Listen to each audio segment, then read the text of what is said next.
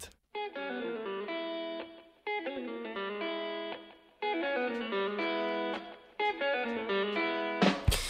Danes obeležujemo državni praznik Dneva reformacije. O napol anegdotičnih tezah na vratih Wittenberške cerkve na tem mestu ne bomo izgubljali besed. V današnjem offsajdu se bomo posvetili prisotnosti protestantizma na slovenskem. Da bi pa razumeli, kako smo kot praktično edina država s predominantno katoliškim prebivalstvom sprejeli dan reformacije za državni praznik, pa vendarle začenjamo s Primožem Trubarjem in njegovo percepcijo skozi različna obdobja slovenske zgodovine. Tančico odstira Igor Gardina, zgodovinar. Primož Trubar ima zanimivo zgodovino priznavanja oziroma nepriznavanja v slovenskem prostoru. Recimo Janez Vajkart Valjazor ga v zelo katoliški dobi postavlja uh, zelo visoko. Eh, zakaj? Zaradi tega, ker je bil pač Trubar navezan na deželne stanove krajinske, eh, znal je poiskati tudi s tih deželnimi stanovi Koroške in Štajerske. Eh, znal je zagotoviti v tem okviru tudi enotnost protestantov, kajti to ni bilo samoumevno, torej v našem prostoru so bili vsaj flatijanski tokovi, kar precej močni in Trubar je to zelo elegantno spravil na skupni imenovalec.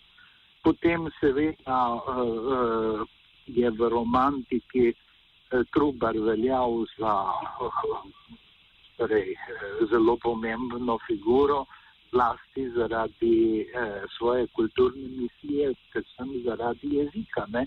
In zanimiv je tudi potem ta najbolj ljudski med knezo Škofi, eh, avstrijske monarhije Anton Martin Slomšek, ki je edini avstrijski škof, ki nikoli ni dobil nobene avstrijske kolajne in eh, on je že razmeroma zgodaj eh, pisal o Trubarju zelo pozitivno, pač zaradi njegove kulturne misije. Ne? Torej, nikako ni šlo v slovenskem katoliškem prostoru samo za zavračanje, se je videla tudi druga plat. Ne? In od tod pravzaprav potem prihaja dovolj logično, eh, da vsaj skozi šolski sistem se mimo protestantskih spisov ni moglo iti ne? in potem, ko je slovenska država pač eh, eh, se tudi na zunaj utemeljila,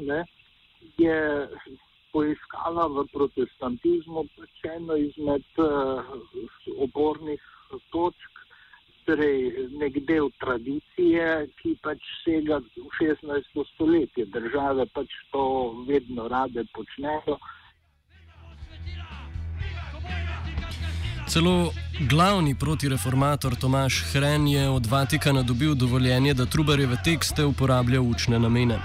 Ambivalenten odnos so do Primoža Trubarja imeli tudi komunisti, ki zaznamujejo predzadnje obdobje slovenske državotvornosti.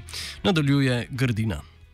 Komunistično gibanje je imelo do Trubarja precej ambivalenten odnos. Ne, če pogledamo eh, partizanske vojaške enote, potem vidimo, ne, da obstajale recimo eh, Tankarjeva brigada, Preširnova brigada, obstajala uh, je brigada Ivana Gradnika, uh, torej uh, od kmečkih puntarjev do, do uh, literatov.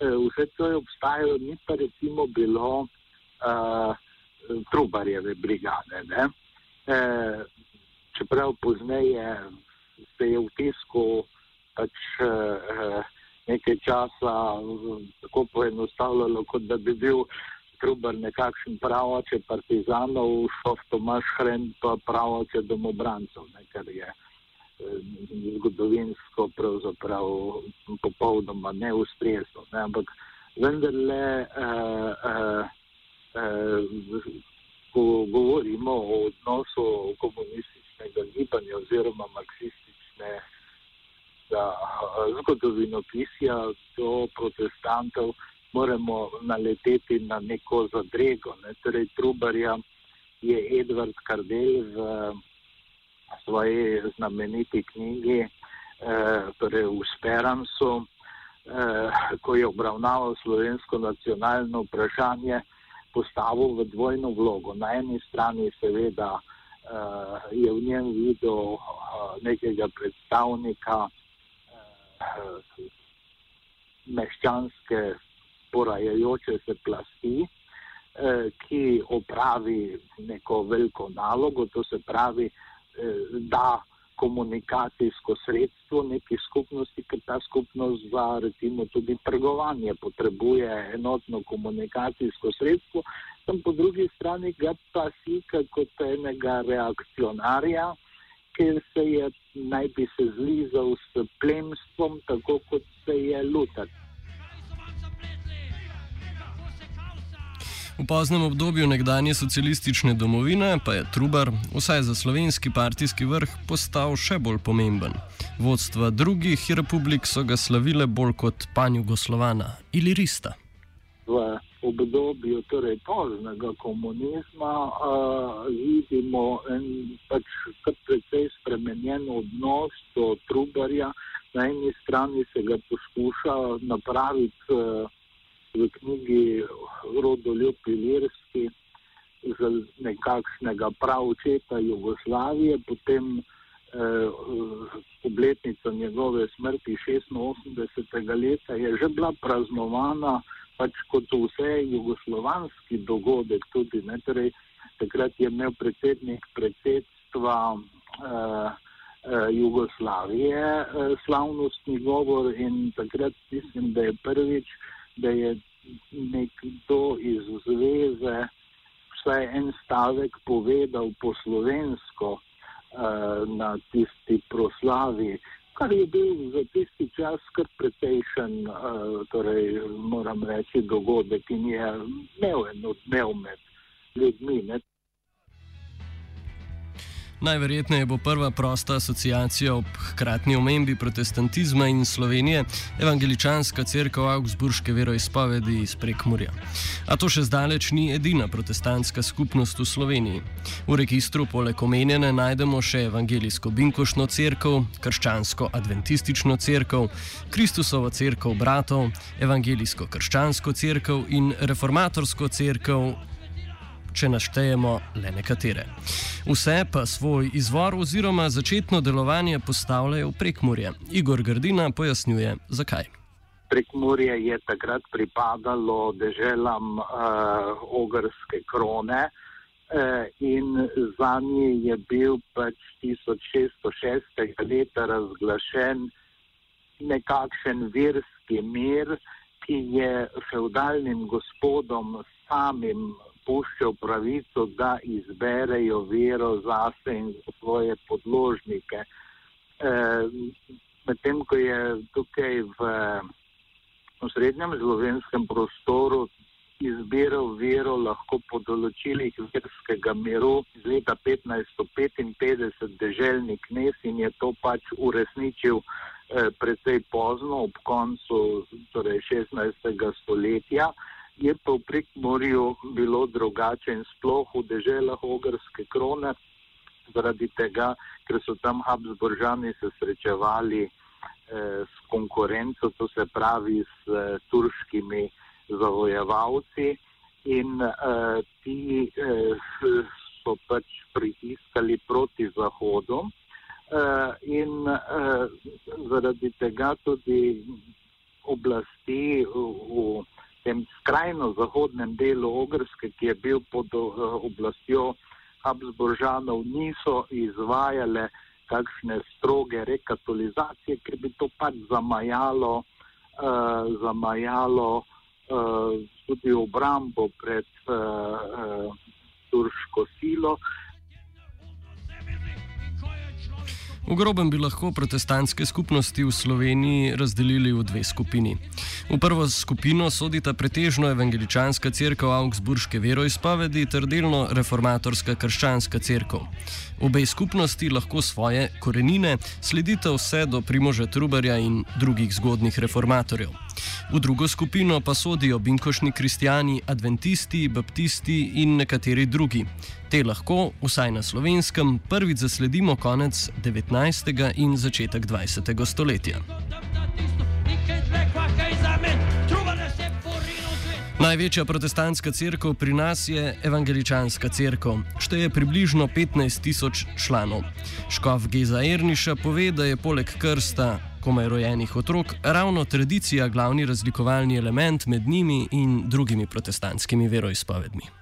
Prav gotovo po zgodovinski kontinuiteti, eh, kajti Evangeličanska crkva luteranske provinjence, da tako povem, ne, je naslednica Trubarjeve crkve tega božjega svetega slovenskega jezika, po drugi strani pa seveda tudi po nauku, predvsem po Augsburški veroizpovedi, ki so jo protestanti sprijeli torej v Augsburgu eh, na tistem velikem državnem zboru.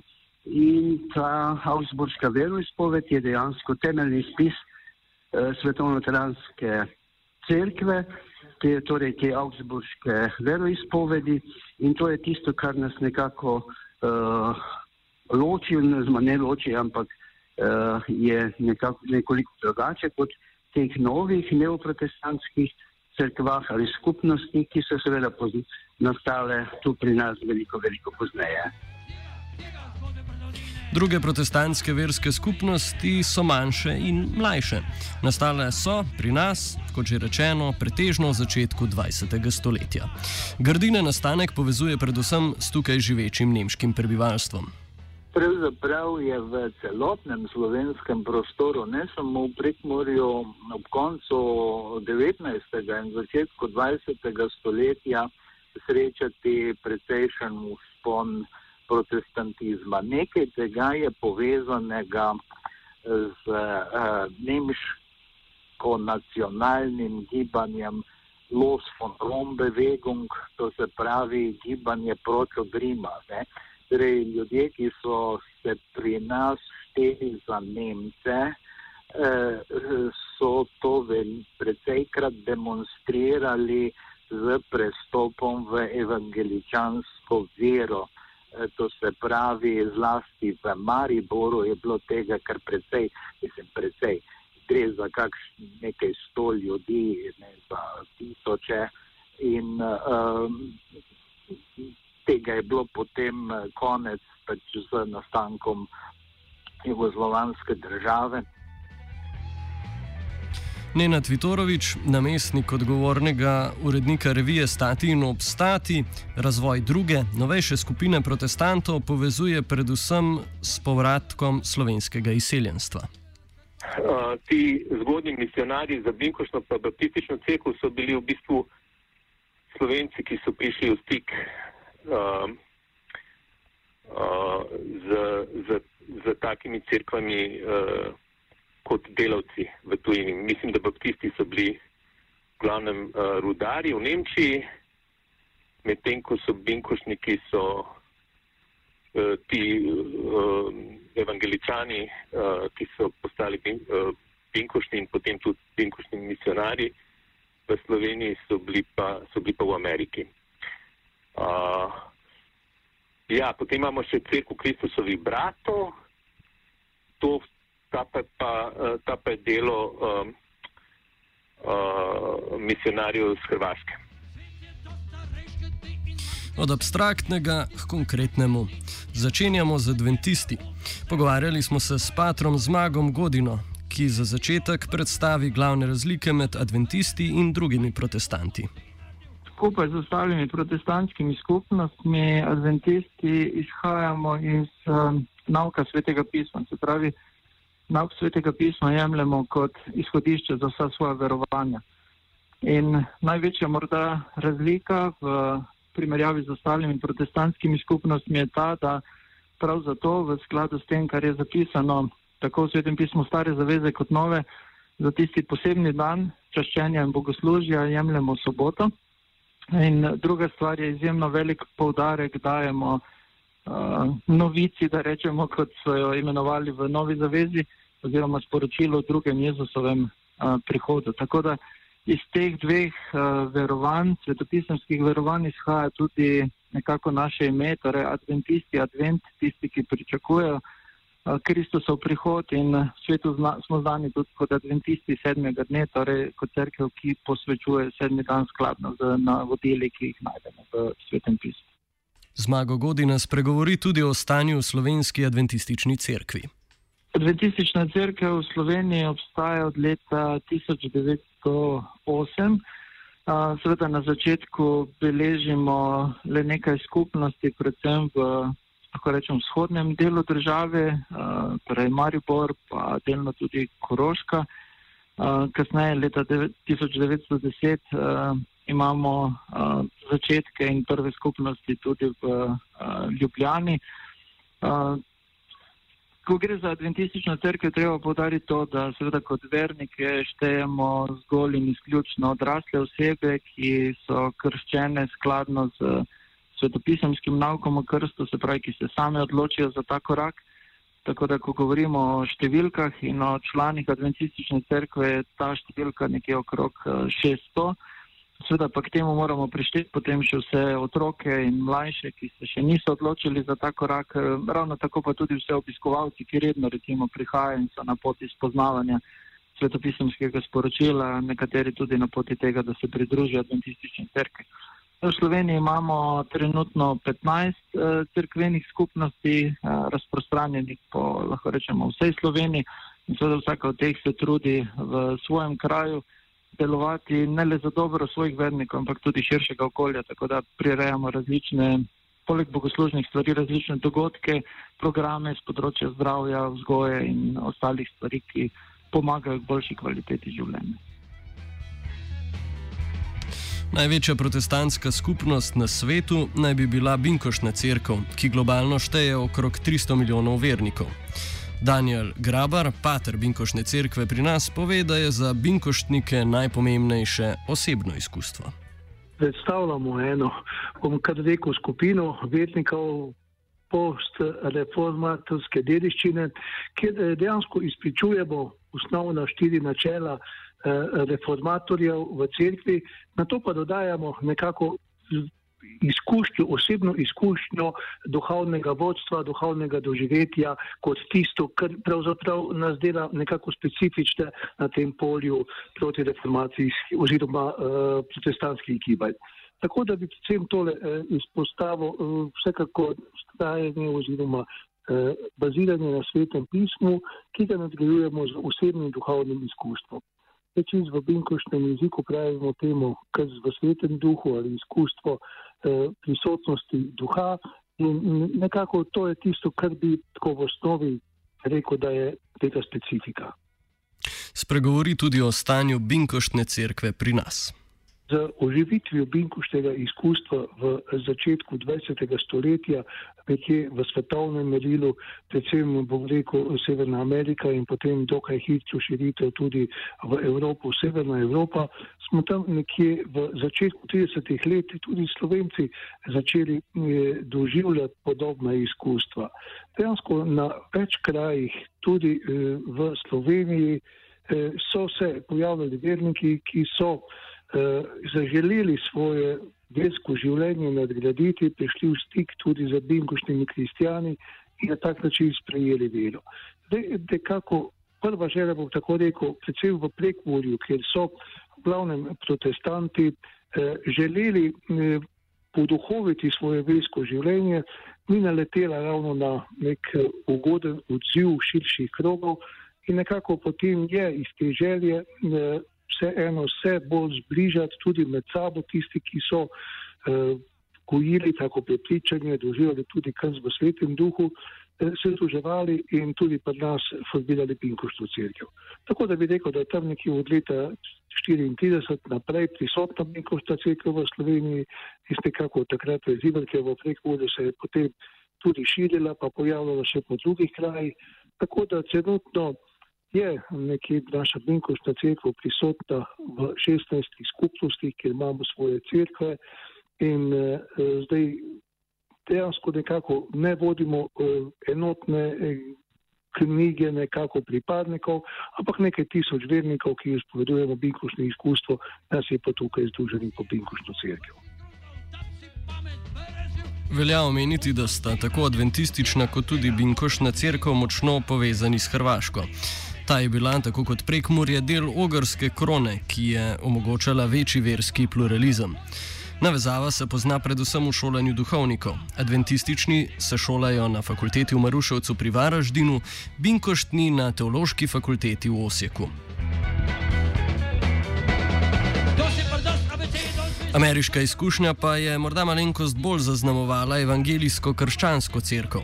Ta je tam izšolala nekaj duhovnikov, nekaj pa jih nam prihaja v okviru gibanja Josiah Venture iz Illinoisa. Zvonko Turinski, pater evangelijske krščanske cerkve, pove, da ta pripada baptistični skupnosti, a se je kasneje preimenovala. Mi smo bili del teh, recimo, baptistov, vendar smo se preimenovali, da tako rečem, da se približamo um, uh, našim Sloveniji, ljudem, ki niso razumeli um, to ime. Ali so uh, um, razumeli, da so to budisti, da smo budisti, ali pa so rekli, da to ste vi, američani, ne? torej nismo bili slovenci, nismo bili uh, del te kulture, čeprav smo. In zato smo nekje spremenili uh, to ime, da bi enostavno se približali lahko vsakemu človeku, ki razume, kaj je evangelij, ki sprejema, kaj je crkev in uh, kaj je krščanstvo. Zato smo dali tudi ime evangelijska krščanska crkva. S praznikom smo začeli in s praznikom tudi končujemo. Zvonko Turinski pove, kako so ga obeležili v njihovi cerkvi. Mi smo ga zelo obeležili tako, da smo imeli turnejo uh, Dar srca, eno čudovito zgodbo o Primožu Trubarju, bi rekel, muzikal je bil uh, v desetih mestih v, po Sloveniji. Uh, zadnji je bil zdaj v nedeljo v Filharmoniji, dve predstavi, zelo veliko ljudi, navdušenje. Uh, torej, uh, mi proslavljamo praznik tako, da služimo ljudem. Offside sem pripravil zupan. Ojdar, ojdar, ojdar, ojdar, ojdar, ne čut, ne duč, ojdar, radio študent.